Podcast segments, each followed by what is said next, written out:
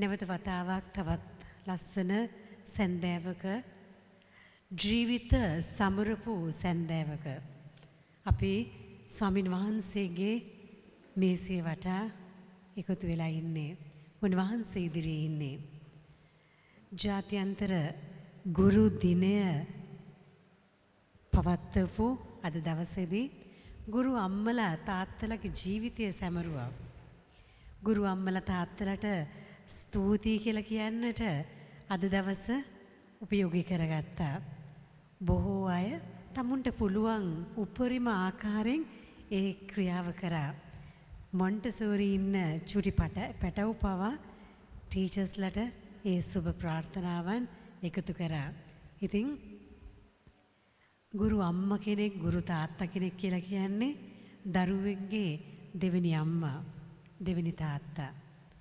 ඉතින් ශුදෝ ස්වාමින් වහන්සේ තමයි මේ ලෝකෙට බිහි වෙච්ච ගුරු දේවෝත්තමයන්න් වහන්සේ. ගුරුකම ජීවත් කරවපු ස්වාමින් වහන්සේ. උගන්නන්න ක්‍රම සහ විදි හොඳට දැනගත්ත ස්වාමින් වහන්සේ. ටෙක්නික්ස් ටීචිං ටෙක්නික්ස් කියන ඒවා උපරිමයෙන්ම ක්‍රියාවට නගවපු ස්වාමින් වහන්සේ.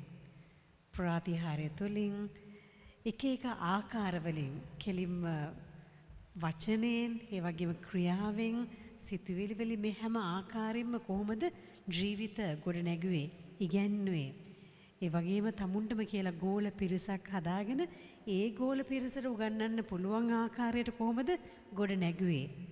එහෙමනම් මගේ රත්තරන් අම්මේ තාත්තේ දීපතේ අද දවසේදී මටත් මතක් වුණා මගේ ගුරු අම්මලා ගුරු තාත්තලාව.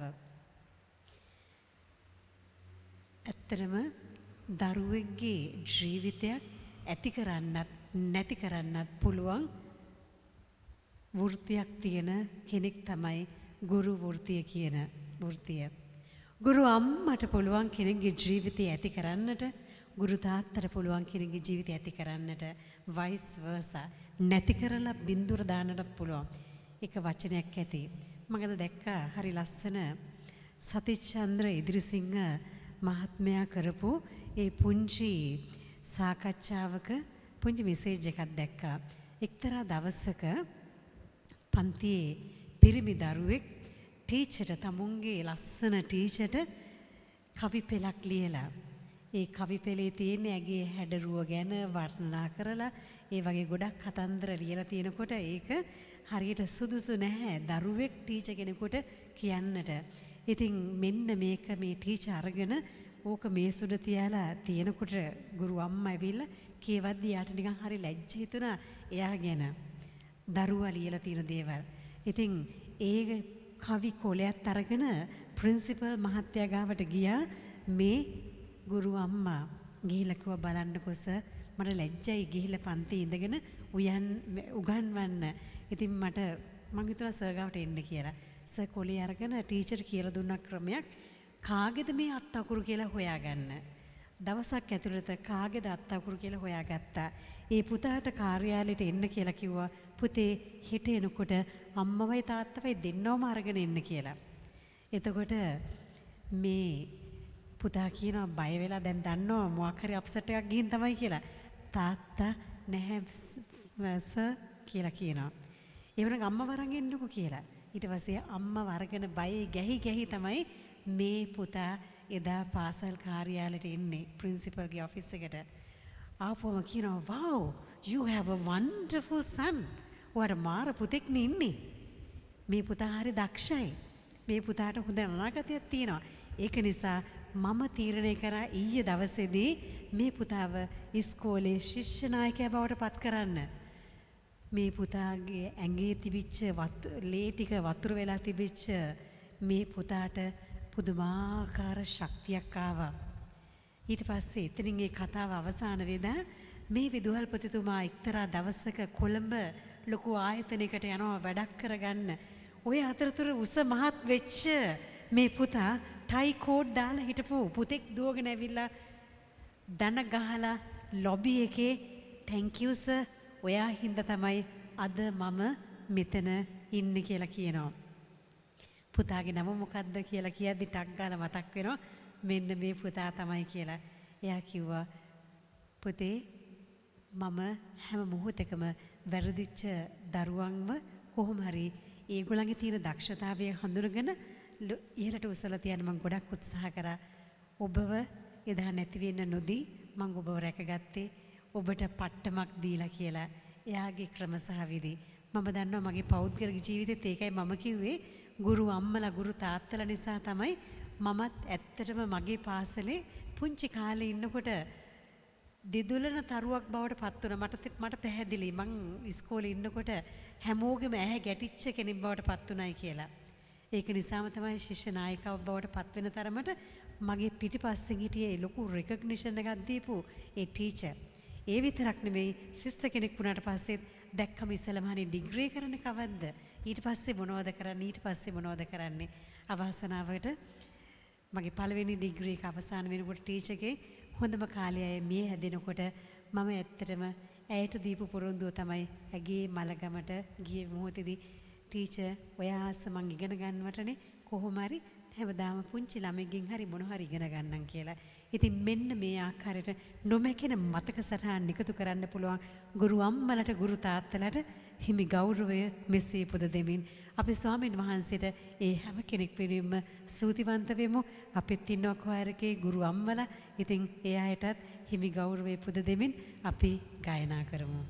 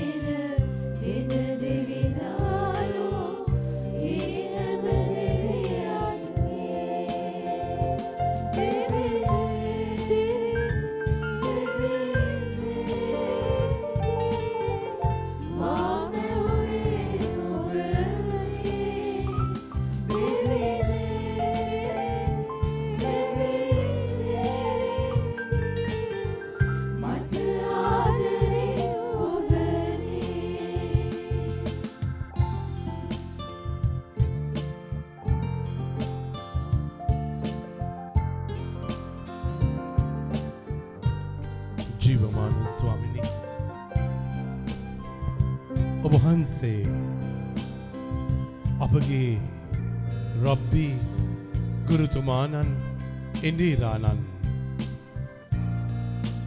අපිට කියල දෙන්න කොහොමද ඒ භූමිකාව ඇතුළේ ජීවත් වෙන්නේ? පිය පදවයේ භූමිකාව ස්වාමි පුරුෂයා කියන භූමිකාව අම්මා කියන භූමිකාව භාර්යාව කියන භූමිකාව ගුරුවරු ගුරුවරියන් කියන භූමිකාව. අපි කරන ඕ නෑම රස්සාාවක් තුළ තියෙන භූමිකාව කොහොමද ගත කරන්නේ? මව්පියෝ දෙවියන්ගේ සුයුරන් දෙවියන්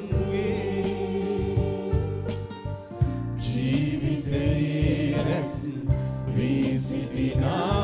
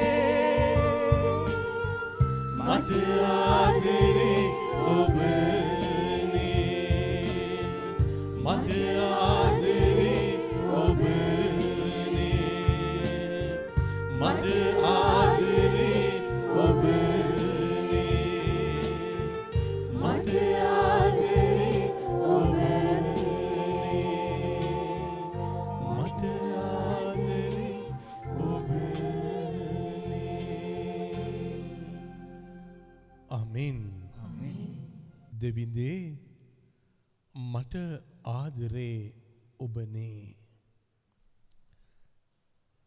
රත්තර නම්මේ තාතිපුතේදුවේ මේ පුළුව තලේ ගුරු භූමිකාව මා හිතන්නේ හැම කෙනෙකුටම ජීවමාන කරන්න තිබෙනවා.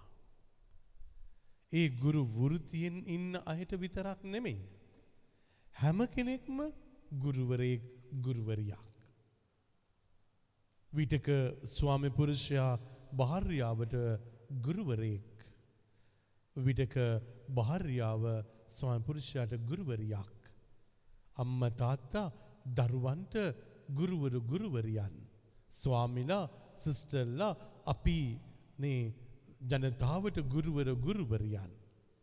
එතකොට මේ භූමිකාවක් ජීවත් කරව ගන්න නම් වටිනාකම් අපේ ජීවිතයේ තියෙන්නට ඕනේ.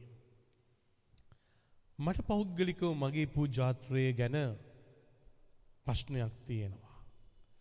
ඒ ප්‍රශ්නය තමයි මට මේ දේශනා කරන ඒ ස්වභාවයන් වල තියෙන ගුණාත්මක භාවය මගේ ජීවිතයේ තියෙනවාද නැත්නම් ඒක මම වර්ධනය කරගන්න ඕනාද? එක්තරා මොහොතක මට ඇහෙනවා මට කියනවා ෆාද තවත් ටිකක් ජීවත් වුණා නම් ෆාදගේ දේශනාව ශක්තියක් බවට පත්වේවි. මිනිසුන් සුවපත්වේවි මිනිසුන් බලවත්වේවි මිනිස්සුන්ට ආශිර්වාදයක් බවට පත්වේවි. ෆාද ජීවත් වෙන්න පටන් ගත්තම. එතුර මනුස්ස මට්ටම තුළ ඇත්තටම මන්දන්නවා මගේ ජීවිතයේ අඩුපාඩුකම් අඩු ලුහුඩුකම් බැරි අමාරුකම් තියෙන හැම මොහොතකදීම දේවල් අපිට කියන්න පුළුවන්. හැබැයි ඒක මිනිස්සුන්ගේ ජීවිතවලට බලපාන්න එක ආශිර්වාදයක් බවට පත්වෙන්න පෞද්ගලිකව ඒක ජීවත් කරවන්න ඕනේ. එනිසා තමයි රත්‍රනම් මේ තාත්්‍යපුතේදුවේ ගුරු භූමිකාව හරිම අමාරු. තවත් කෙනෙකුට දේවල් කියල දෙන්න ලේසි නැහැ. මොකද කියල දෙන්න පටන් ගත්ත ගමම්ම හැම වෙලාවෙම ආපස්සට ආවී ඔයා ජීවත් කරවලද ඔයා ඒවානේ පිළි පැදලද දැන් ඔයා මේ කතා කරන්නේ. එතු හැම වෙලාවෙම මේ චලෙන්ජක තියෙනවා මේ චලෙන්ජක තියෙනවා. එනිසා කවුරු හරි නේ මේ පුළුව තලයේ තුළ නේ යම් කිසි ගමනක් යන්න ඕන නම් ඒ දියත් කරන්න ඕන නම් මේ ප්‍රශ්නයට මුහුණ දෙන්න වෙනවා. මේ නේ ගැරහීම්වලට මුහුණ දෙන්න වෙනවා අනිවාර්යෙන්ම.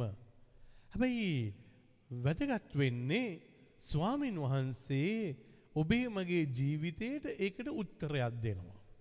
ස්වාමින් වහන්සේ කියල දෙනවා එහෙනම් මේ කාල පරිච්චේදේදී මොනවද විය යුත්තේ කියලා. උපදේශකයා හෙවත් සිරක් පුතේ තිස් දෙවනි පරිච්ඡේදයේ ස්වාමින් වහන්සේ මෙහෙම කියනවා. සමිඳුන් හට සමිඳුන්හට ගරුබිය පාන්නා ගරුපිය පාන්නා උන්වහන්සේගේ උන්වහන්සේගේ ගුරුකම් ගුරුකම් අසන්නේය.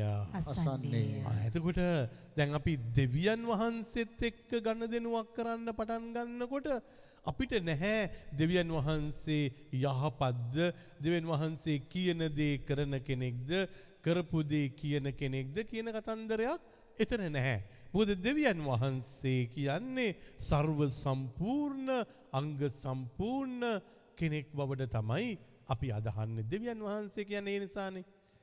එතකොට මේ දැනුම සහ අපේ ජීවිත හදාගන්න යන්න කෙනෙක් ඉන්නවා.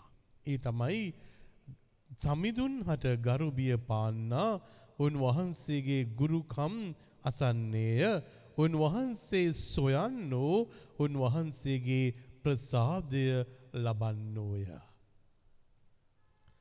දැන් මෙතන තමයි රත්වැන මේ තාත්තේ පුතේ දුවේ අපි අහලා බලන්නට ඕනේ ඔබ හොයන්නේ කාවද?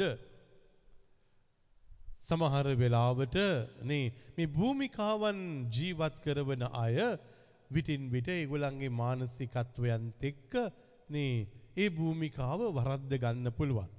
ස්වාමි කෙනෙක් වෙන්න පුළුවන් සිස්ටර් කෙනෙක් වෙන්න පුළුවන් ගුරුවරයෙක් ගුරුවරියක් කවුරු වුණත් අම්මා කෙනෙක් තාත්තා කෙනෙක් ස්වාමි පුරුෂයෙක් භාර්යාවක් නේ ජීවිතේ වරද්ද ගන්න පුළුවන්.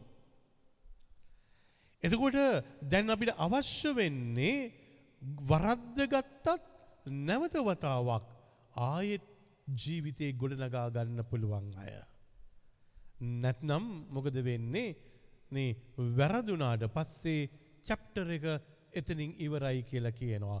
ගුරුවරයෙක් වැරද්දක් කරා ඒ නිසා මීට පස්සේ එයා ගුරුවරයෙක් නෙමෙයි.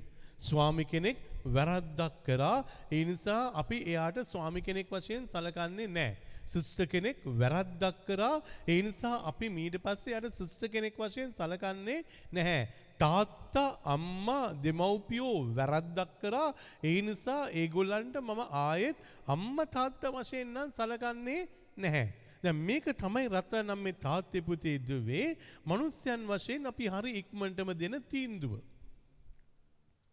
ඒ නිසා සමහර වෙලාවට නේ වැරදිච්ච අය වරද්දගත්ත අය අතහැරිච්ච අය අද මුළු ජීවිතේම කාලකන්නි කරගන්නවා. ඇයි ඒ කාල කරගන්න කන්නි කරගන්නේ අර ආපු සෝෂල් ප්‍රශයක ආපු පීඩනය ආපු ගැරහිල්ල මේ මුහතේදී දරාගන්න බැරුව යනවා. අම්තිබට ඔළුවට දාගන්නවා I am not worthy මම සුදුසු නෑ. මම හොඳ නැහැ. මම නරක මනුස්සෙක්. මිනිස්සුත් කිව්වනේ නරකයි කියලා. ඒගොල්ලොත් කිව්වනේ නරකයි කියලා. අරගොල්ලොත් කිව්වනේ නරකයි කියලා. දැන් ඔක්කොම ඉදිරියේ මම නරක මනුස්සෙක්. මම මදි කියන තැනට ජීවිතේ අර රාමුවක් හදාගෙන ඒ රාමුව ඇතුළට අපි ඇතුල් වෙනවා. මේක තමයි ඩේන්ජර් එක. The whole world can accuse you. මුළු ලෝකෙම ඔබව මේ මොහොතේ කන්ඩෙම් කළ දාන්න පුළුවන්. හැබැයි ඔබ විසින් ඔබව කන්ඩෙම් කරපු දාට එතනින් එහාට ඔබට සර්වයිව් වෙන්න ඔබට එනර්ජි එකක් නැතුව යනවා. ඔබට ජීවත් වෙන්න ඔබට එනර්ජියක් නැතුව යනවා. මිනිස්සු ආඩපලි කියාවි ගොඩක් දේවල් කරාවි. හැබැයි ඔබට ජීවත් වෙන්න පුළුවන්.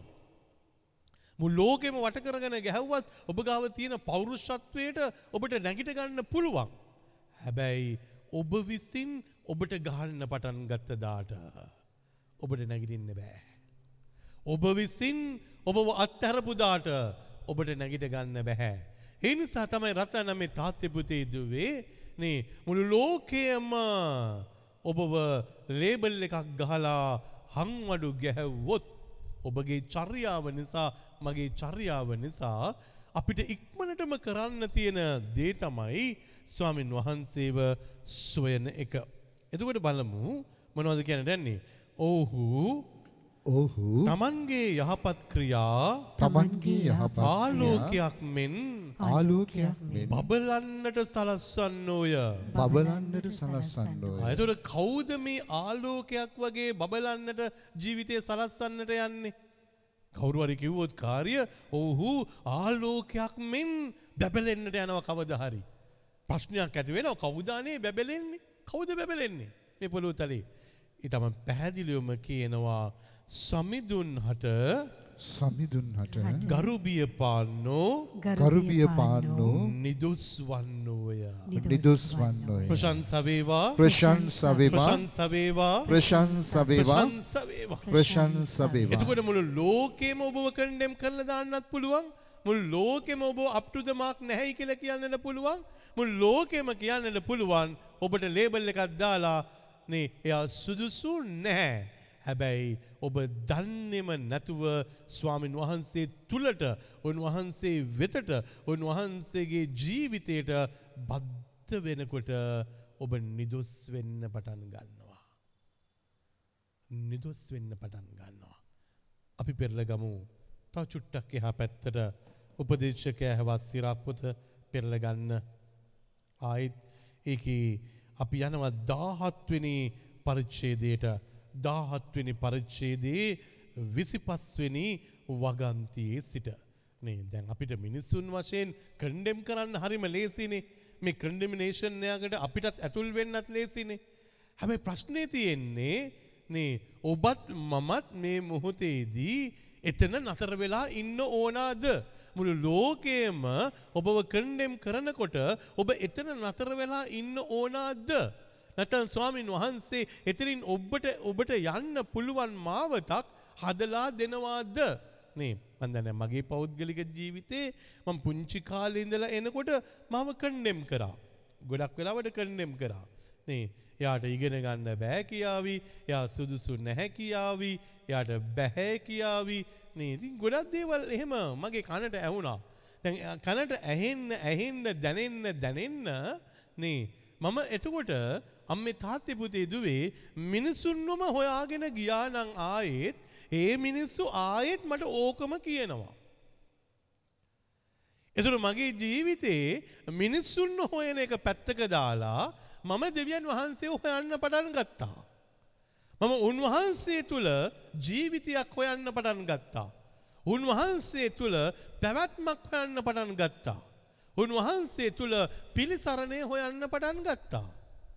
එතකොට දැන් අපිව කණ්ඩෙම් කරාට පස්සේ දුර්වලයි කිව්වට පස්සේ ඔබත් මමත් කොච්චර මිනිස්සුන් හොයාගෙන ගියත් එතනදී ආයෙත් පිරිසක් බිහි වෙනවා ඔබව ආපස්සට තල්ලු කරලා ඒ පල්ලැහැ මට්ටමේම තියන්න. ඔබව නිදොස් කරන්න පුළුවන් නිදහස් කරන්න පුළුවන් ස්වාමින් වහන්සේව ස්වයන්නට වනේ. එනිසා මෙහෙම කියනවා. සමිදුන් වෙත සමිදුන් වෙත හැරි. හැරි ඒ නිසා දැන් අපි දුර්වලයි කියලා දැනකොට නේ මිනිස්සු මොනවද කියන්නේ? අයියෝ පෞකාරයන්ටනේ මේ ඉඩ තියලා තියෙන්නේ පල්ලිවල. නේ වැරදි කරන මිනිස්සුන්ටනේ ඉඩ දීලා තියෙන්නේ පල්ලිවල. ඇත්ත. පල්ලියේ වැරදි කරන මිනිස්සුන්ට ඉඩක් නැත්තම් පල්ලියේ පව් කරන මිනිස්සුන්ට ඉඩක් නැත්තම් කොහෙදා ඉඩක් තියෙන්නේ? එතකොට ඒකෙන් කියන්නේ නැහැ කරන වැරද්ද සාධාරණය කරණය කරගන්නවයි කියලා. නැහැ. ස්වාමින් වහන්සේ වෙතට හැරිලා එන්න හැරිලා එන්න. උන්වහන්සේ වෙතට එන්න හැරිලා එන්න. ඔච්චරම තමයි ස්වාමින් වහන්සේ කියන්නේ. එතුට ඇයි මේ ස්වාමින් වහන්සේ වෙතට යා යුත්තේ. සමහර අය කියනවා නේ ඒගොල්ලෝ දැනගන්න බෑ හොඳට ජීවත් වෙනවා නම් කාර්ය පල්ලියට ආවට කමක් නෑ හොඳට ජීවත් වෙනවානේ. මේක හරි අවාදර්ශයක්නේ. නේ සමහර වෙලාවට ඒක තමයි කියන්නේ. මේක හරිම අවාදර්ශයක්. නේ ඒ වගේ පුද්ගලයෝ ඒ වගේ මිනිස්සු ඒ වගේ ගති පැවතුම් තියෙන අය නේ දෙවියන්ත එක්ක ඉන්නවා කියන එක ලොකු අවාදර්ශයක්. ඒක දෙයියන් හැල්ලුවට ලක්කිරීමක්. ඒක කතෝලික සභාවට ලොකු කැලලක්. දැන් මෙහෙම රත්න නම් මේ තාත්තේ පුතේ දුවේ ගොඩාක් දේවල් කියන්න පුළුවන්. ඒ නිසා තමයි ස්වාමීන් වහන්සේ ජොම්තුමාගේ සුවිශේෂයේ අටවෙනි පරිච්ඡේදය කියන්නේ ඔබ අතරින් කිසිම පාපයක් වැරද්දක් කරපු නැති කෙනෙක් ඉන්නවා නම් පළවෙනි ගල ගහන්න. ඒකයි කිව්වේ ගහන්න. පළවෙනි ගල ගහන්න. එතකොට මේ පොළොව තලේ අම්මේ තාත්තේ පුතේ දුවේ ගල් අතට අරගෙන හිටියට අපිට ගහන්න බෑ. මොකද ගහන්න බැරි එක එක එක ලෙවල් එකක අපි එක එක විදියට වැරදි කරලා තියෙන්නට පුළුවන්. අපි ඒ පුද්ගලයා කරපු වැරද්ද කරලා නැතුව ඇති. නමුත් ඊට වඩා වෙනස් වැරද්දක් කරලා තියෙන්නට පුළුවන්. ඊට වඩා අඩුවෙන් වැරද්දක් කරලා තියෙන්න පුළුවන්. ඊට වඩා වැඩියෙන් වැරද්දක් කරලා තියෙන්නට පුළුවන්. ඒ නිසා රත්නම් මේ තාත්තේ පුතේ දුවේ ස්වාමින් වහන්සේ වෙතට හැරෙන එක තමයි ඔබේ මගේ ජීවිතයේ තියෙන ලේසිම දේ. ලේසිම දේ. අපි අමාරුදේ තමයි කරන්නට යන්නේ. ලේසිමදේ කරන්නේ නැහැ. අපි කියනවා අපිට ප්‍රෝබේෂන් එකක් හම්බුනොත් අපිට ට්‍රේනිංයක් හම්බුනොත් අපිට කවුන්සලිං හම්බුනොත් අපිට ජීවිතය වෙනස් කරගන්න පුළුවන්. නේ මේ දවස්සල ගොඩක් අය කෝල් කරනවා. කෝල් කරලා අහන එකම දේ මොකන්ද මගේ මහත්යට කවුන්සිලිංයක් කරගන්න පුළුවන්ද? මගේ වයිෆ්ට කවුන්සිලින් කරන්න පුළුවන්ද? මට කවුන්සිලිනයක් කරන්න පුළුවන්ද? මගේ පුතාට කවුන්සලින් කරන්න පුළුවන්ද? නේ මගේ දුවට කවුන්සිලින් කරන්න පුළුවන්ද දැන් මේ හැම්ම කෙන්නාම මේ කාගේ හරි බිහේවිය පැටර්න් එක දැක්ක ගමම්ම හැසිරීම් රටාව දැක්ක ගමම්ම කියන්නේ එයාව උපදේශනයකට යවන්නට ඕනේ. එයාට හොඳ මානසිකත්වයක් නැහැ. එයාගේ බිහේවිය එක නිසා මේ මොහොතේදී එයා අනිවාර්යෙන්ම දඬුවම් ලැබිය යුතුයි. එයාට ට්‍රේනිංයක් ඕනේ ප්‍රොබේෂන්යක් ඕනේ මේ මොහොතේදී යම්කිසි ආකාරයෙන් පාඩමක් උගන්වන්න ඕනේ. අම්මි තාත්තිපුති දුවේ ඒ නිසා මිනිස්සු කියනවා ඔයා හැදිච්ච දාට ආය එන්න. ඔයා හොඳ වුණදාට ආයෙත් එන්න. හොඳ වුණදාට එන්න හැදුනට පස්සේ එන්න වෙනස් වුණට පස්සේ එන්න පව් කරන එක අතහැරියට පස්සේ එන්න. මහිතන්න මේ පොළොවතලෙක් කාටවක්කත් එන්න හම්බෙන්නේ. ඒ නිසා ස්වාමින් වහන්සේ ඉදිරියේ පැහැදිලිවම කියනවා සමිදුන් වෙත සමිඳුන් වෙත හැරි හැරි ඔබේ පව් ඔබේ පව් අත්හරින්න. අත්හරින්න. ඒනිසා ස්වාමින් වහන්සේ තුළට යන්න එතකොට පාපය අතහරින්න පුළුවන්. දැන් අපි ට්‍රයිකරොත් කාර්ය නේ පාපය අතහැරලා දුර්වලකම අතහැරලා වැරද්ද අතහැරලා ස්වාමින් වහන්සේ වෙතට එන්නට යනවා. දැන් මම ඔක්කොම නිදහස් දැන් ශුද්ධවන්තයෙක් වගේ ශුද්ධවන්තියක් වගේ මං ඔබ වහන්සේ ඉදිරියට ආවා. අම්මෙ තාත්තිපුතේ දුවේ ස්වාමින් වහන්සේ යන ගහන්නේ කම්මැසිව්වා. ඔබ ඉන්න විදියටම එන්න. නේ. ඔබ ඉන්න විදියට එන්න. ආවට පස්සේ මොකද වෙන්නේ. එතනදී ඒ පාපේ අයිතිය මට දෙන්න. ඒ දුර්වලකමේ අයිතිය මට දෙන්න. ඒ නොහොම්බිනාකමේ අයිතිය මට දෙන්න. ඒ අඩු පාඩුවේ අයිතිය මට දෙන්න. එච්චර නිසාමින් වහන්සේ ඉල්ලන්නේ. ස්වාමින් වහන්සේ වෙන මොනවක්වත් කියනවද? නේ ස්වාමින් වහන්සේ කියනවද? ඔයාට සේන් කෙනෙක් වුණාට පස්සේ එන්න කියලා කියනවද? නැහැනේ ස්වාමින් වහන්සේ අඬ ගහන්නේ ඔබ එන්න ඇවිල්ලා ඒ දුර්වලකම ආයෙත් කියන්න නෙමෙයි අයිතිය දෙන්න. නේ අයිතිය දුන්නම ස්වාමින් වහන්සේ ඉදිරියේ මෙහෙම වෙනවා. ඔවුන් වහන්සේ ඉදිරියේහි උන්වහන්සේ ඉදිරියේ උදක්කිල්ලා උදක් ඉල්ලා පව් කිරීමෙන් පව් කිරීමෙන් වැළකෙන්න. වැළකෙන්න. එතකොට දැන් උන්වහන්සේ නේ තුල්ලට ගියාට පස්සේ තමයි මේ පව් කිරීම වැළැක්වෙන්නේ. දැන් අපි try එකක් දැම්මොත් කාර්ය නේ මම එළියේ ඉඳලා පව් කරන එක නතර කරනවා ඇතුළට ආවට පස්සේ නේ එතකොට මට කිසිම ප්‍රශ්නයක් නැහැ කියලා. ස්වාමීන් වහන්සේ ඉදිරියේ වෙනස් කතන්දරයක් තියෙනවා. මහෝත්මයන්න් වෙත මහෞත්මයන්න් ආපසු එන්න. ආපසු එන්න. එතකොට සමහර අය කියනවා නේ කී පාරක් දන්නේ කොමිසම් කරනවා අපි දැකලා තියෙනවානේ නේ එයා හැමදාම කොමිසම් කරනවානේ මොකද්ද තියෙන ඵලේ කොමිසම් කරනවා ආයෙත් ඇවිල්ලා වැරදි කරනවා කොමිසම් කරනවා ආයෙත් වැරදි කරනවා කොමිසම් කරනවා ආයෙත් වැරදි කරනවා මොකද්ද මේ විහිළුවක් නේ මේක විහිළුවක් ඒ නිසා එයා කොමිසම් කරලා ඇවිල්ලා වැරදි කරන්න මොකද්ද මේ හැබැයි ස්වාමීන් වහන්සේ කියන්නේ ආයෙත් එන්න. ආයෙත් එන්න. ආයෙත් එන්න. ආයෙත් එන්න. ඔබ දුර්වලයි කියලා හිතන මොහොතේදී ආයෙ එන්න. ඔබ පව් කරයි කියලා හිතන මොහොතේදී ආයෙ එන්න. ඔබ අඩුපාඩු වලින් පිරලා තියෙනයි කියපුවම ආයෙ එන්න. පොල් තාත්තට මතකද දන්නේ පොල් තාත්තා ආවද නැද්ද කියලා මට මතක නෑ. මෙහෙකට අපි ගියා මෙහෙකට මම ඉතින් දේශනා කරලා තියෙනවා. අනේ නේ එතකොට එන්න කියලා කිව්වා. නේ දත් මං කිව්වා ප්‍රාදර සහෝදර සහෝදරනි ස්වාමීන් වහන්සේ ඔබට එන්න කියනවා එන්න කියලා සප්‍රසාද වහන්සේ වැඩම කරලා තියෙනවා. නේ එන්න ඔබේ ඇත්ත අරගෙන එන්න ඔබේ අමාරු අරගෙන එන්න ඔබේ බැරිභාවය අරගෙන එන්න ඔබේ පාපය අරගෙන එන්න කියපුවාම දුර්වලකම අරගෙන එන්න කියපුවාම ඔක්කොම ඉඳගෙන ඉන්නකොට මොකද කරේ එක පුද්ගලයෙක් නේ හදිසියේ පිටිපස්සේ ඉන්න කෙනෙක් එක පාටම නැගිට්ටා. ඉතින් නැගිට්ටම නේ දැන් නැගිට්ටා නැගිට නැගින්න පුළුවන් ඕනම කෙනෙකුට දැන් එයා එනවා ඉස්සරහට. දැන් එන්න කිව්වනේ ඉස්සරහට එනවා. දැන් ඉස්සරහට එනවා එනවා එනවා නේ හැබැයි ඉතින් ඉස්සරහට එනකොට මට බය හිතුණා. මට බය හිතිලා මම මොකද කරේ කෙලින්ම සප්‍රසාද වහන්සේ ගාවටම ගියා. ගිහිල්ලා මං කරඩු අල්ල ගත්තා. දැන් මේන්න කිව්වම එනවනේ. දැන් එනවා එනවා එනවා එනවා එනවා. එක්තරා තැනකට ඇවිල්ලා නේ ඉන්න ඇතුළට අත දැම්මා එලිට ඇදලා ගත්තා කිනිස්සක්. දැන් මෙහෙම කරගෙන එනවා කිනිස්ස. නේ. මනුස්ස මට්ටම තුළ මට ලොකු තැති ගැන්මක්. මනුස්ස මට්ටම තුළ මට ලොකු බයක් ඇති වුණා.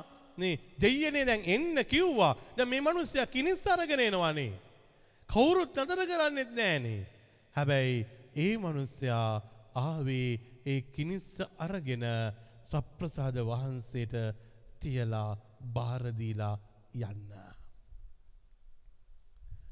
මෙහෙය ඉවර වුණාට පස්සේ ඒ පුද්ගලයා මාව හම්බ වෙන්න ඇවිල්ලා කියනවා ෆාදර් මේ කිනිස්ස මන් තියාගෙන හිටියේ මට එක්කෙනෙක්ව ඇනලම් මරන්න තිබුණා. මට දැන් ආය මරන්න බැහැ. මම ඒක අයිතිය දුන්නා. ස්වාමින් වහන්සේට මට ආය ඒ පිහි අයිතිය ඕනෙ නැහැ. මන් නිදහස් වෙලාද ගෙදර යන්නේ? අම්මි තාත්තිපුති දුවේ මෙහෙට ඇවිල්ල යන්න ලේසි. පූජාවකට ඇවිල්ල යන්න ලේසි. යාඥා කරන්න ලේසි. ඔබ එන්න කියලා ස්වාමින් වහන්සේ අන්න ගහනවා. ඇවිල්ල අපි ආයෙත් අපි කියනවා මිනිස්සු අපිට කරපු දේවල් මිනිස්සු අපිට කරපු තාඩන පීඩන ඔක්කොම අපි කියනවා. හැබැයි ස්වාමින් වහන්සේ ඉදිරියේ අර පුද්ගලයා හිතුවා නැහැ. මට මේ මොහොතේදී දෙන්න තියෙන්නේ මගේ හිතේ තියෙන වෛරය. දෙන්න තියෙන්නේ මගේ හිතේ තියෙන කලකිරීම. දෙන්න තියෙන්නේ මගේ අත හිතේ තියෙන ඒ තිත්ත අම්මිහිරි අත්දැකීම. ඒක මට ගෙදර ගෙනියන්න ඕනේ නැහැ. ඒ නිසා ඒක දීලා නිදහස් වෙලා ගියා.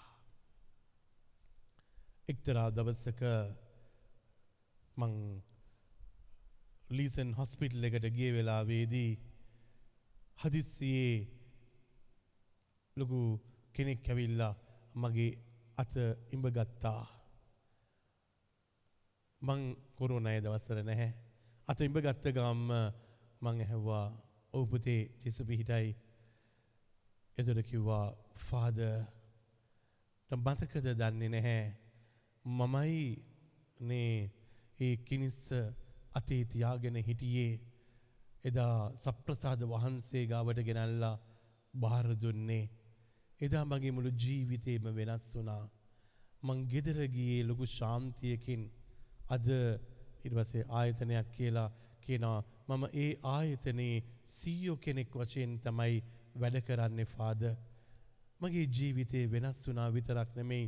ස්වාමින් වහන්සේ මාව ඉහළට ඉහළට ඉහළටම අරගත්තා. මට දැන් ළමයි තුන් දෙනෙක් ඉන්නවා. අපි හොඳට පවුල් ජීවිතේ ගත කරනවා. Thank you very much. චේසුට ගොඩක් ස්තුති මාව එදා බාරගත්තට. ජීවිතය වෙනස් වෙන්නේ එහෙමයි.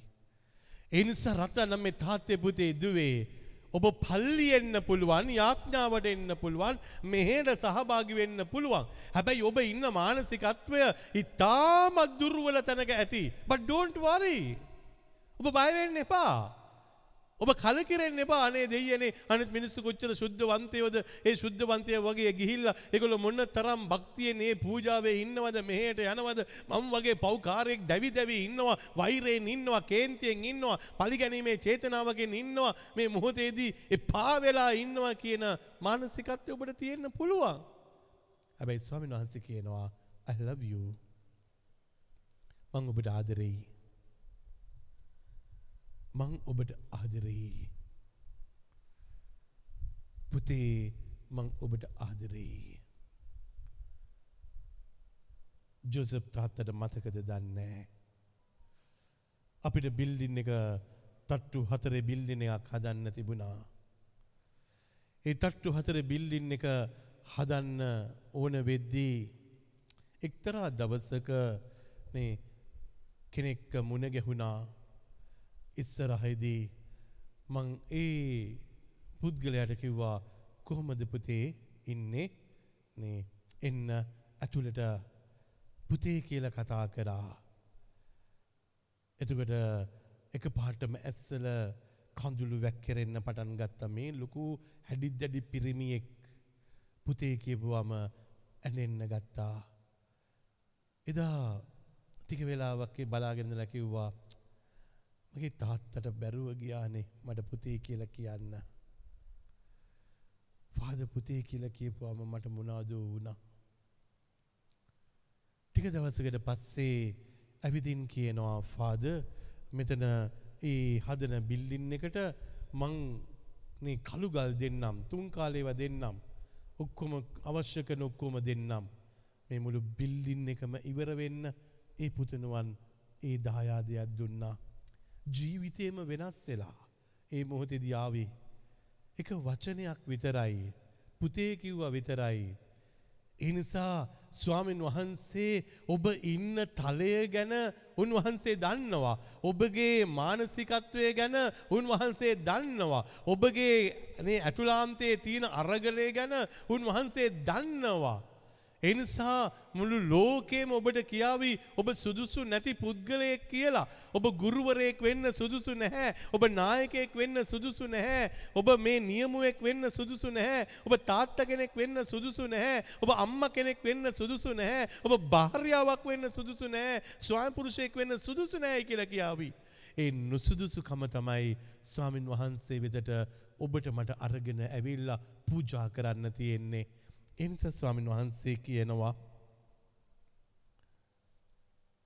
අදමිටු කමෙන් වැලකෙන්න අදමිටු කමෙන් වැළකෙන්න දුෂ්ටකම අතිශයෙන් පිළිකුල් කරන්න දුෂ්ටකම අතිශයෙන් පිළිකුල් කරන්න ජීවත්ව සිටින්නෝ ජීවත්ව සිටින මහෝත්මයණන් වහන්සේට මහෝත්තමයණන් වහන්සේට මහිමය නොදෙන්නේ නොදෙන්නෝ නම් මහිමය නොදන්නෝ නම් පාතාල ලෝකයේ පාතාල ලෝකයේ උන්වහන්සේට ප්‍රශංසා කරන්නේ කවරෙක්ද?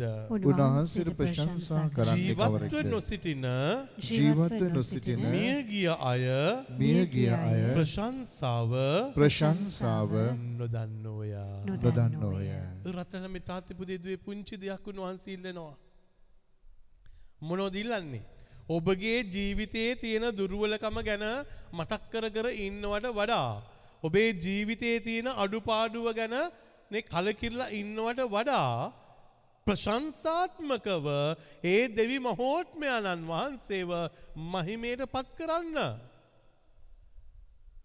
එතකොට ඔබ කියාවේ ඒක හරි විද්‍යාවක්නේ.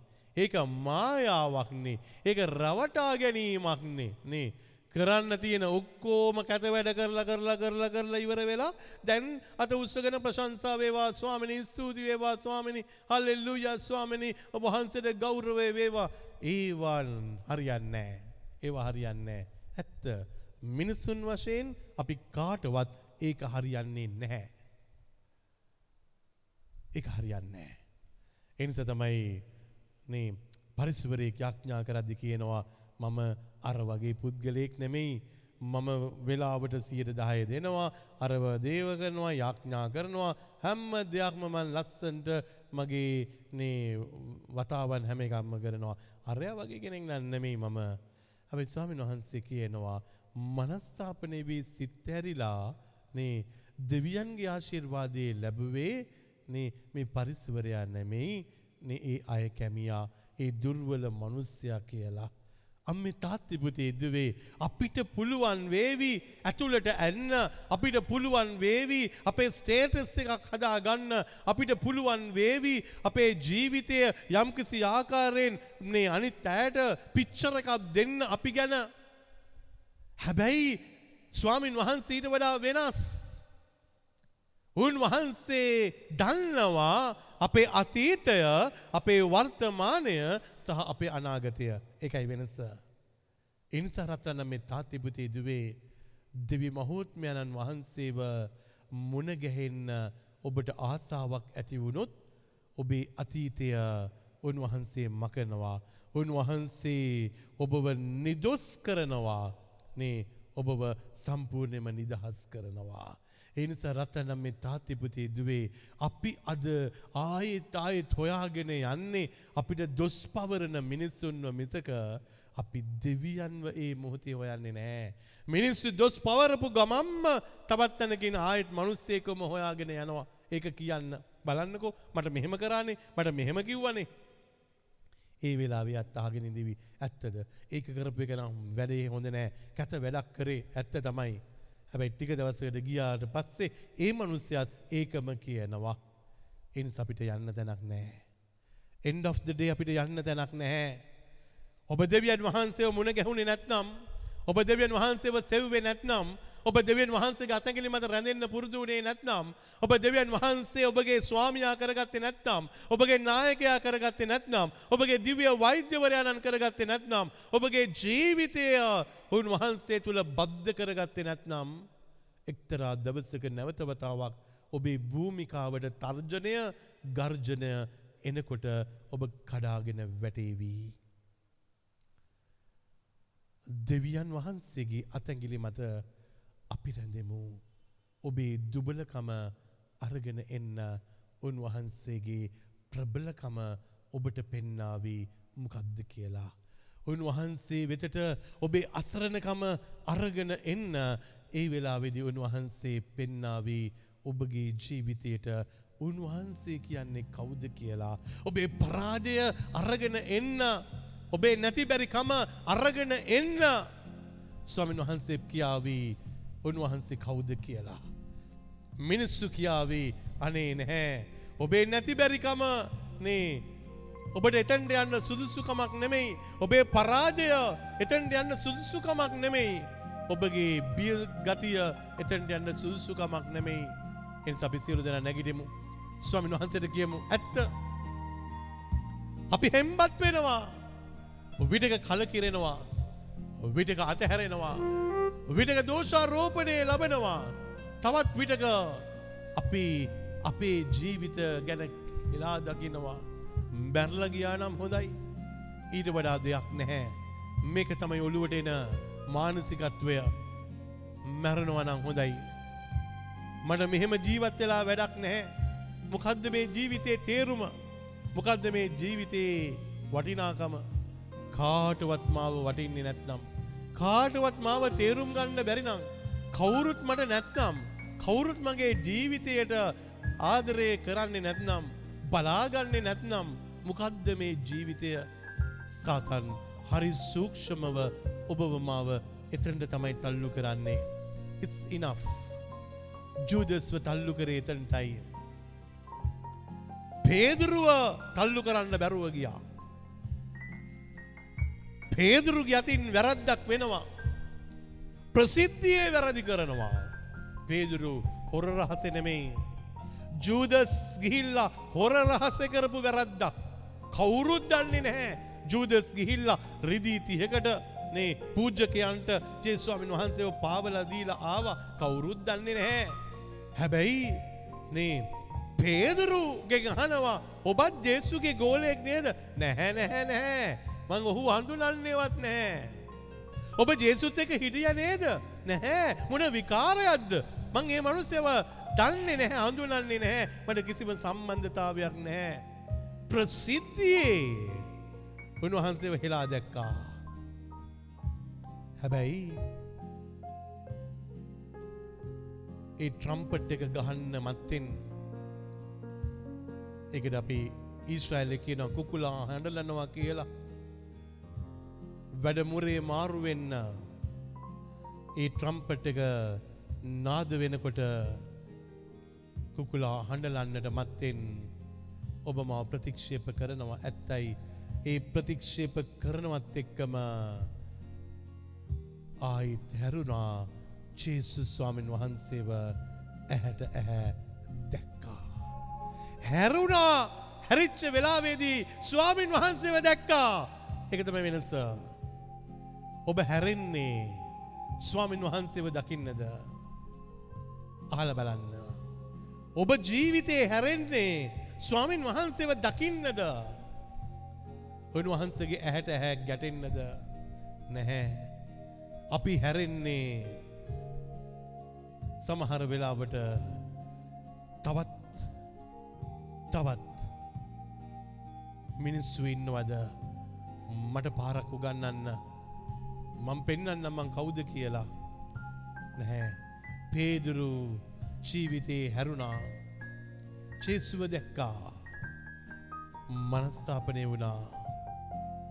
ජීවිතය වෙනස් වුණා. ජුදස් හැංගුණා. චේසුට මුහුණ දෙන්න බැහැයි කියලා හිතුණා. තනි වුණා. සාතන් ඩැහැගත්තා එල්ලිලා මැරෙන්ඩයි කියලා කිව්වා. එනිසා මැරුණා. අම්බෙ තාත්තිපතේ දුවේ ජීවිතේ ස්වාමීන් වහන්සේ එන්න කියලා අඩ ගහනවා ඔබ මොන තත්වය තුළ හිටියත් ඔබ මානසිකත්වය තුළ හිටියත් ඔබ මොන වේදනාව තුළ හිටියත් මොන කලකිරීම තුළ හිටියත් මොන්න තරම් ජීවිතේ කඩාගෙන වැටල හිටියත් The Lord is waiting for you. ස්වාමින් වහන්ස ඔබේනකම් බලාගෙන ඉන්නවා. ඉනිසා මිනිසුන් අත්හරින තැන. මිනිසුන්ට ඔබ අමතක වෙන තැන. මිනිසුන් ඔබව රිද්ධවන තැන. මිනිසුන් ඔබව හෙලා දකින තැන. මිනිසුන් ඔබගේ ජීවිතයත් එක සෙල්ලං කරන තැන. මිනිස්සු ඔබව රවට්ටන තැන. දෙවියන් වහන්සේ ඔබගේ ජීවිතය ආහිත් ශක්තිමත් කරනවම්මයි එනිසා මිනිස්සු අතහැරප මෝතක ඔබ ඔබේ ජීවිතය අතහරින්න එපා. මිනිස්සු ඔබ අතහැරපු මොහොතක ඔබගේ ගමන අතරින්න එපා. මිනිස්සු ඔබගේ ජීවිත අතහැරපු මොහොතක ඔබගේ අනාගත සලසුම් අතහරින්න එපා. දෙවියන් වහන්සේ උන්වහන්සගේ සැලස්ම දිගහරිනවා. එනම් සුළු මෝදක් ඇස් දෙක වහගන්න මතක් කරල බලන්න. ස්වාමීන් වහන්සේගේ සැලස්ම උන්වහන්සේ දිගහරින්නවා. Sometimes we can't fathom, we can't understand the revelation of God. අපිට සමානවයට ස්වාමීන් වහන්සේගේ ඒ ආදරේ පණිවිඩි අල්ල ගන්න බැරුව යනවා. ඒ රබ්බි ඒ ගුරුවරයාණන් දන්නවා අපේ කේස් එක හැන්ල් කරන්නේ කොහොමද කියලා. අපි මිනිස්සුන්ට කියනවා කවුන්සලින් කරන්න කියලා. පොතේ පතේ දැනුමෙන් ඒ කවුන්සලින් කරනවා. ස්වාමීන් වහන්සේ ඔබේ මගේ ජීවිතයේ ඕන අයිතිකරුවන් වහන්සේ. ඔබේ මොලේ අයිතිකරුවන් වහන්සේ ඔබේ කෙමිකල්සල අයිතිකරුවන් වහන්සේ ඔබගේ ශරීරය අයිතිකරුවන් වහන්සේ ඔබේ සිතේ අයිතිකරුවන් වහන්සේ ඔබේ ගතය අයිතිකරුවන් වහන්සේ ඔබේ ආත්මය අයිතිකරුවන් වහන්සේ. එනිසා උන්වහන්සේට ඉඩ දෙන්න. ඔබ බලාගන්න මිනිස්සුන්ට ඔබව තාවකාලිකව බලාගන්න පුළුවන්. හැබැයි සදාකාලිකව ඔබෝ බලාගන්න බෑ. තාවකාලිකව බලාගන්න මිනිස්සු ඔබව රිද්ධවනකොට ඔබ අතහරිනකොට ඔබව කොනිත්තනකොට සදාකාලයේ ආරක්ෂා කරන ඒ දෙවියන්ව ඔබට අමතක වෙලා යනවා. එතුකොට ඔබ කියනවා මට යාඥා කරල එපා වෙලා මට පල්ලිගිහිල්ල එපා වෙලා මට දැන් කොන්ත කියල එපා වෙලා හැම්ම නවානයක්ම මං කරා මං හොඳ වුණා වැඩක් නෑ වැඩක් නෑ වැඩක් නෑ වැඩක් නෑ මට ඉතුරුනේ මෙච්චරයි. සතන් ආයත් සූක්ෂමව ඔබ තුරට ඒවී ඇවිල්ල කියාවී වැඩක් නෑ වැඩක් නෑ මේක තමයි සාතන්ගේ පණිවිඩය. වැඩක් නෑ හැබැයි ස්වාමින් වහන්සේ කියනවා නෝ එකත්තක් නෙමේ. වැඩක් නැහැයි කියන තැන තමයි වැඩක් තියෙන්නේ. බැහැයි කියන තැන තමයි පුළුවන් කියන තැන එන්නේ. නැතිවිච්ච තැන තමයි ආහිත් හම්බ වෙන්නේ. පැරදිච්ච තැන තමයි ආයෙත් ඔබ දිනන්නේ මුළු ලෝකය ඉදිරියේ මං ඔබේ දෙවිඳුන් මම ඔබේ දෙවිඳුන්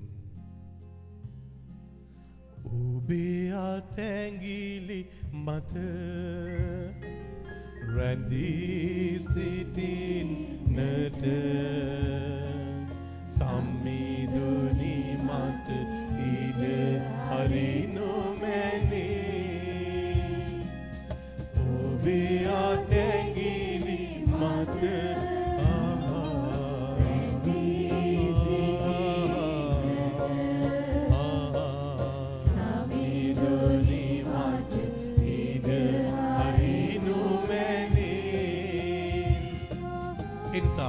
එන්න ස්වාමින් වහන්සේ වෙතට බයවෙන්න එපා පුතේ. බයවෙන්න එපා දුවේ. ඔබගේ ජීවිතය මොන තරම් අමිහිරි වුණත් මොන තරම් කර්කශක වුණත් මොන තරම් තිත්ත වුණත් ඒ ඔබේ භූමිකාව හැල්ලුවට ලක්වෙලා තිබුණත් ඔබගේ රස්සාව ඔබගේ ඒ කරන වැඩේ අගෞරවයට පත්වෙලා ඇති. මිනිස්සුන් ඉදිරියේ ඔබ කීතු කීතු වලට කැඩිලා ඇති.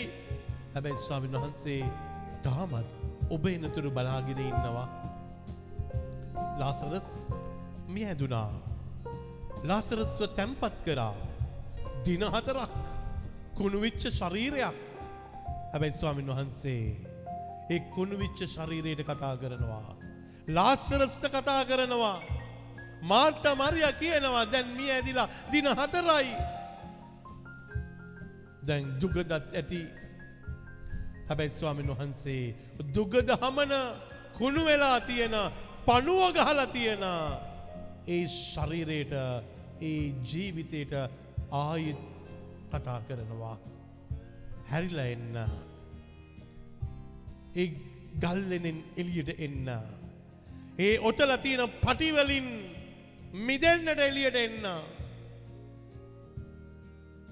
චෙස්සු කෑ ගැහැව්වා ලාසරස්! පිටතට එන්න. ඔබටත් කියාවී ඔබ මැරිච්ච කෙනෙක් වගේ.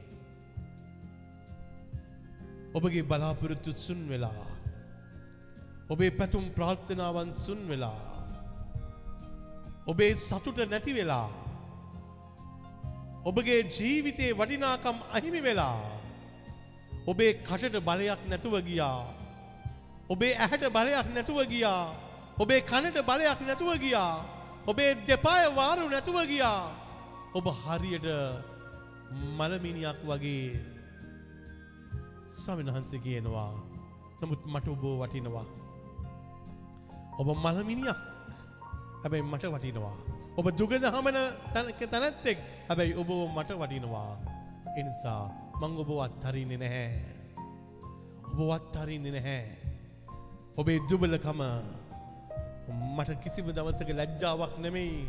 හැබැයි මිනිස්සු කියාවී පුතා දුර්වල වෙනකොට භාර්යාව දුර්වල වෙනකොට ස්වාමියා දුර්වල වෙනකොට දරුවෝ දුර්වල වෙනකොට අම්මා තාත්තා දුර්වල වෙනකොට කියනවා. ඒක අපිට ලැජ්ජාවක් කියලා. හැබැයි ස්වාමීන් වහන්සේ කියනවා ඔබේ දුර්වලකම මට ලැජ්ජාවක් නෙමෙයි පුතේ. ඔබේ දුර්වලකම මට ලැජ්ජාවක් නෙමෙයි දුවේ. එනිසා බය වෙන්න එපා. මං හැමදාමත් ඔබට ආදරේ හැමදාමත්.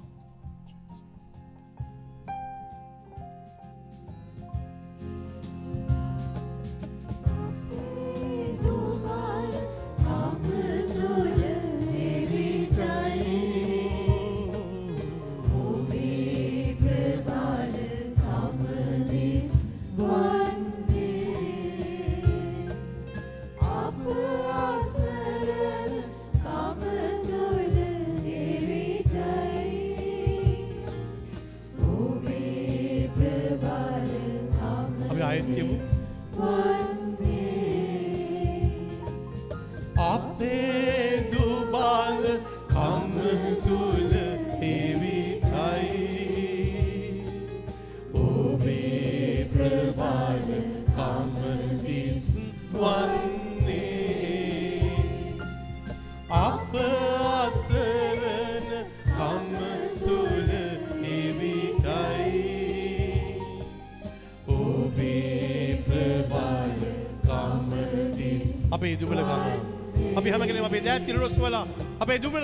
ස්වාමීන් වහන්සේගේ දෑදල බාර කරමු. සුදු ස්වාමිනේ අපගේ දුබලකම වහන්සේ දන්නවා. අපේ අඩුපාඩුව වහන්සේ දන්නවා.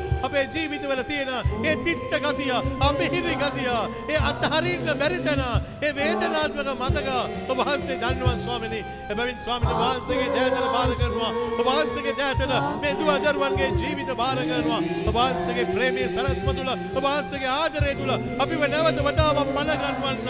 අපිව පණ ගන්වන්න. අපිව පණ ගන්නන්න. ජේසුනේ! ජේසුනේ! අපිව පණ ගන්නන්න ජේසුනේ. අපිව බලවත් කරන්න ජේසුනේ. අපිව නිදහස් කරන්න. අපිව නැගිටව ගන්න. අපිව නැගිටව ගන්න ස්වාමිනේ. අපිව නැගිටව ගන්න ස්වාමිනේ. අපිව නැගිටවන්න ස්වාමිනේ. අපිව නැගිටවන්න ස්වාමිනේ. අපිව නැගිටවන්න ස්වාමිනේ. ඕ සුදු ස්වාමිනේ. ඔබ වහන්සේගේ දෑතන මේ දරුවන්ව වාද කරනවා. ඔබ වහන්සේගේ දේව සලස්ම. ඔබ වහන්සේගේ දේව ආදරය. ඔබ වහන්සේගේ දේව කැමැත්ත. එල්ලිතරව කරන්න ස්වාමිනේ. ඕ එල්ලිතරව කරන්න. එල්ලිතරව කරන්න ස්වාමිනේ. වාසගේ අභිෂේකයෙන් දැන් පුරවන ස්වාමිනේ වාසය තුළ අපිව නිදහස් කරන්න අපිව වාසය වලට හරනවා ස්වාමිනේ මේ මහා ශක්තිය අපිට දෙන්න වාසගේ අත්දැකීම මත වාසය ජීවමානව අත්දකින්න ඒ ගුරු භූමිකාව ඔබ වහන්සේගාව තියෙනවා ස්වාමිනේ අත් නොහරින සමිදානන වහන්සේමයි අත් නොහරින දෙවි දානන වහන්සේමයි අත් නොහරින දිව්‍ය නේරානන් ඔබ වහන්සේමයි අත්හරින්නේ නැහැ ස්වාමිනේ ඒ නිසා අත් දෙක බැඳගෙන මතක් කරලා බලන්න. ඔබේ ජීවිතේ නැති බැරිකම් ඕන තරම් තියෙනට පුළුවන්. නැති වෙන්න වැඩි වෙලාවක් යන්නේ නැහැ. ආදරය එක නිමේශයකින් නැති වෙලා යාවී. මිලමුදල් නැති වෙලා යාවී. රැකිරස්සාවන් නැති වෙලා යාවී. තානාන්තරයන් නැති වෙලා යාවී. යහළු මිත්‍රයන් නැති වෙලා යාවී. ගොඩක් අය ගොඩක් අය නැති වෙලා යාවී. ඔබේ නැති බැරිකම ස්වාමින් වහන්සේට බාර දෙන්නට යනවා. මතක් කරල බලන්න. ඔබට නැති වුණේ මොනවද? ඔබට නැති වුණේ කවුද? නැති වුණේ මොනවද? ඔබේ ජීවිතය ඔබට නැති වුණේ කවුද? නැති වුණේ කවුද? නැති වුණේ මොනවද? ස්වාමින් වහන්සේට බාර කරන්න. උන්වහන්සේක හොයලා දේවී. ඔබට නැතිවිච්ච දේ හොයලා දෙනවා. ඔබට නැතිවිච්ච කෙනාව හොයලා දෙනවා. එක තමයි වෙනස ඔබේ පරාජය මොකක්ද? ඔබ හිතුවා ඉස්මයි ෆේලියා මේක මගේ ජීවිතයේ පරාජයක්. බලාපොරොත්තුකූම සුන් වෙච්ච මොහොතක්?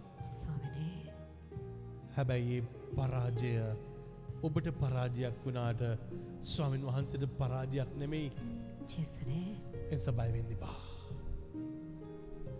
උන්වහන්සට කියන්න ඒ පරාජී අයිතිය මං මෙච්චර කල් තියාගෙන හිටියා. ඒ නැති බැරි කමේ අයිතිය මං තියාගෙන හිටියා. ශේසුනේ. ඒක මගේ බැක් පැක් එකේ තියාගෙන හිටියා. ශේසුනේ. මගේ යටි මනසේ තියාගෙන හිටියා. ශේසුනේ මට හැම වෙලාවෙම හිතුනේ මගේ පරාජිත අත්දැකීම. මට නැති වෙච්ච දේ මම මතක තියාගෙන හිටියා. ඒ නිසා මට වෛරයක් තිබුණා. මට කේන්තියක් තිබුණා. මාව නැති කරපු කෙනා. මාව අහිමි කරපු කෙනා. මගේ ජීවිතයත් එක්ක සෙල්ලම් කරපු අය. ඒ හැම කෙනෙක්ව මං තිත්ත කරලා දැම්මා. ස්වාමිනේ. ස්වාමිනේ. මට ඔබ වහන්සේව හම්බ වෙලා මට වහන්සේව හම්බ වෙලා. මට නැති වෙලා නැහැ වගේ දැන් කිසිම දෙයක්. මන් පැරදිලා නෑ වගේ කොතනදීවත්. මොකද වහන්සේ මගේ වෙලා ස්වාමිනේ ඔබ වහන්සේ මා තුළ ජීවමාන වෙලා. ඔබ වහන්සේගේ ආදරය මට දැනෙනවා. ඔබ වහන්සේගේ ස්පර්ශය මට දැනෙනවා. ඔබ වහන්සේගේ අභිෂේකය මට දැනෙනවා. ජේසුනේ. ඔබ වහන්සේ මගේ ජීවිතය බවට පත් වෙලා. ජේසුනේ. මම ඔබ වහන්සේගේ ජීවිතය බවට පත් වෙලා. ජේසුනේ. ඒ මහා ආදරයට බලයක් ඇවිල්ලා. ඒ සෙනෙහසට බලයක් ඇවිල්ලා. ඒක මහා සුවයක් වෙලා. ඒක ජේසුනේ. දෝර කරන ශක්තියක් වෙලා. මිනිසුන් නිදහස් වෙනවා. ජේසුනේ. මිනිසුන් බලවත් වෙනවා. ජේසුනේ. මිනිසුන් ආශිර්වාද වෙනවා. ජේසුනේ. මිනිසුන්ගේ ජීවිතවල වටිනාකමක් ලැබෙනවා. ජේසුනේ. බලයක් බවට පත් වෙලා. ජේසුනේ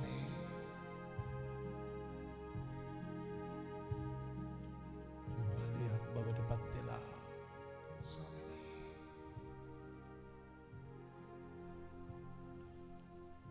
ඔබේ අතැංගිලි මත රැඳී සිටින්නට සමීදුනී මට ඉඩ හරිනු මැනේ.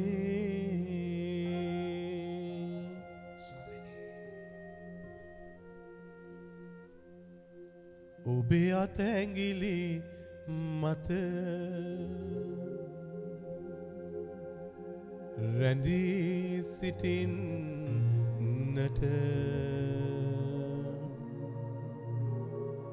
සමිදුනේ මට ඉඩ හරිනු මැනේ.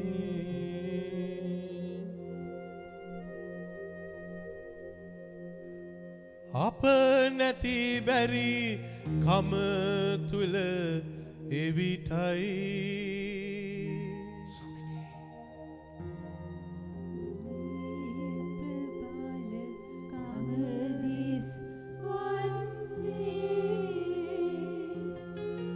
අපේ පරාජය තුළ එවිටයි.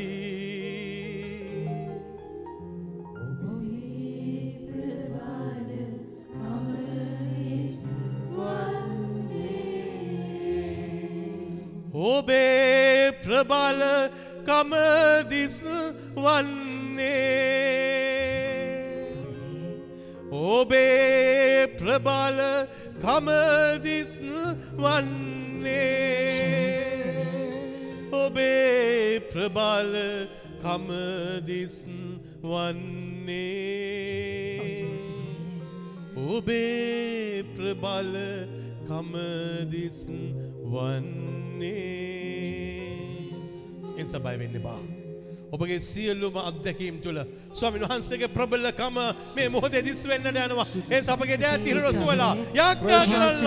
උන්වහන්සේගේ ප්‍රබලකම උන්වහන්සේගේ ප්‍රබලකම ඔබේ ජීවිතය තුළ ඔබගේ හදවත තුළ ඔබේ මනස තුළ ඔබේ බුද්ධිය තුළ ඔබේ වටපිටාවේ ඔබේ ආර්ථිකය තුළ උන්වහන්සේගේ ඒ ප්‍රබලකම දිස් වෙන්නට යනවා.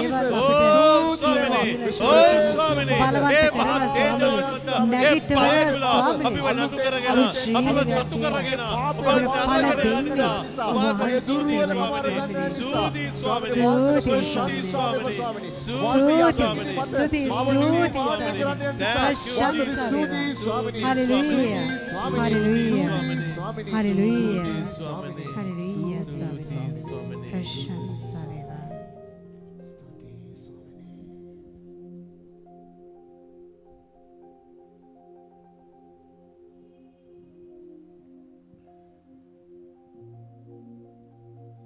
එනිසා අපි ජේසු අම්මට කියමු ජේසු අම්මේ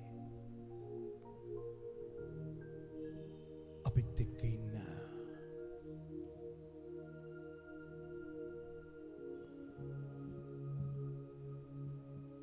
මට මදකයි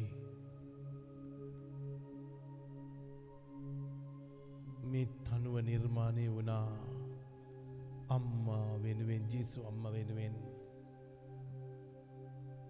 හැබැයි වචන ටික හම්බ වුණේ නැහැ. සිස චමරි තමයි වචන ටික ඒ තනුවට පෙළගැස්වේ. එක ගායනා කරන්න ගියා. හැබැයි එක ගායනා වුණේ නැහැ. අන්තිමට රොෂෙල් දුව තමයි එක ගායනා කරේ. අම්මේ. ජෙසු අම්මේ අපිට පිහිට වෙන්න.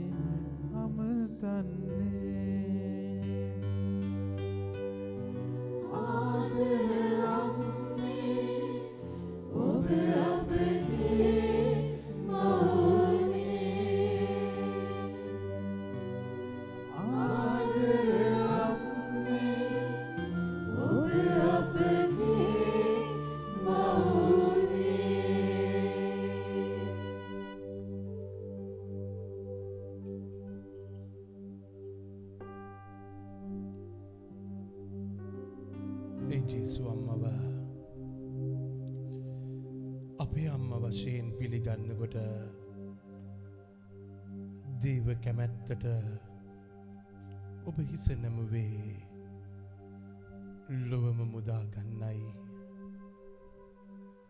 කුසේ දරන්නට ඔබ ඉඩ දුන්නේ අප ඔබගේම නිසයි.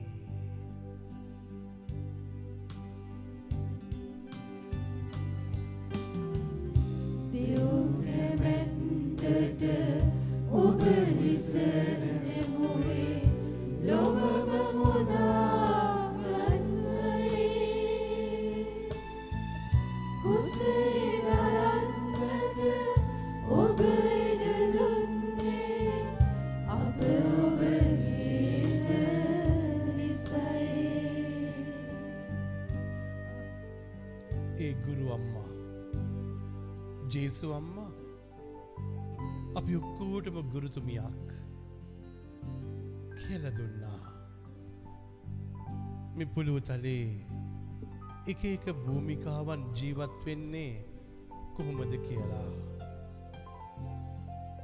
ජේසු අම්මා අපේ ආත්ම ගලව ගන්න ආදරයෙන් අපිව රැක බලාගත්තා අපගේ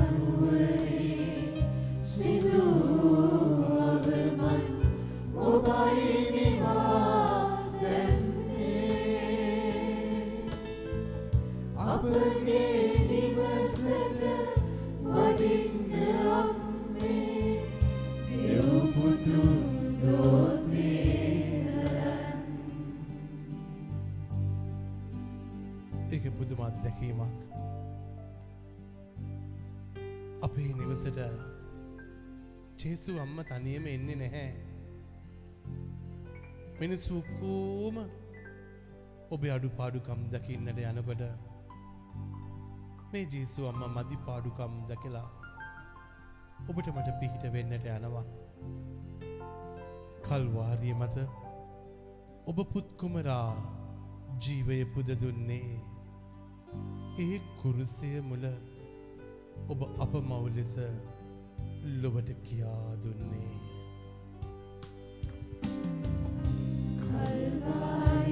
ඔබ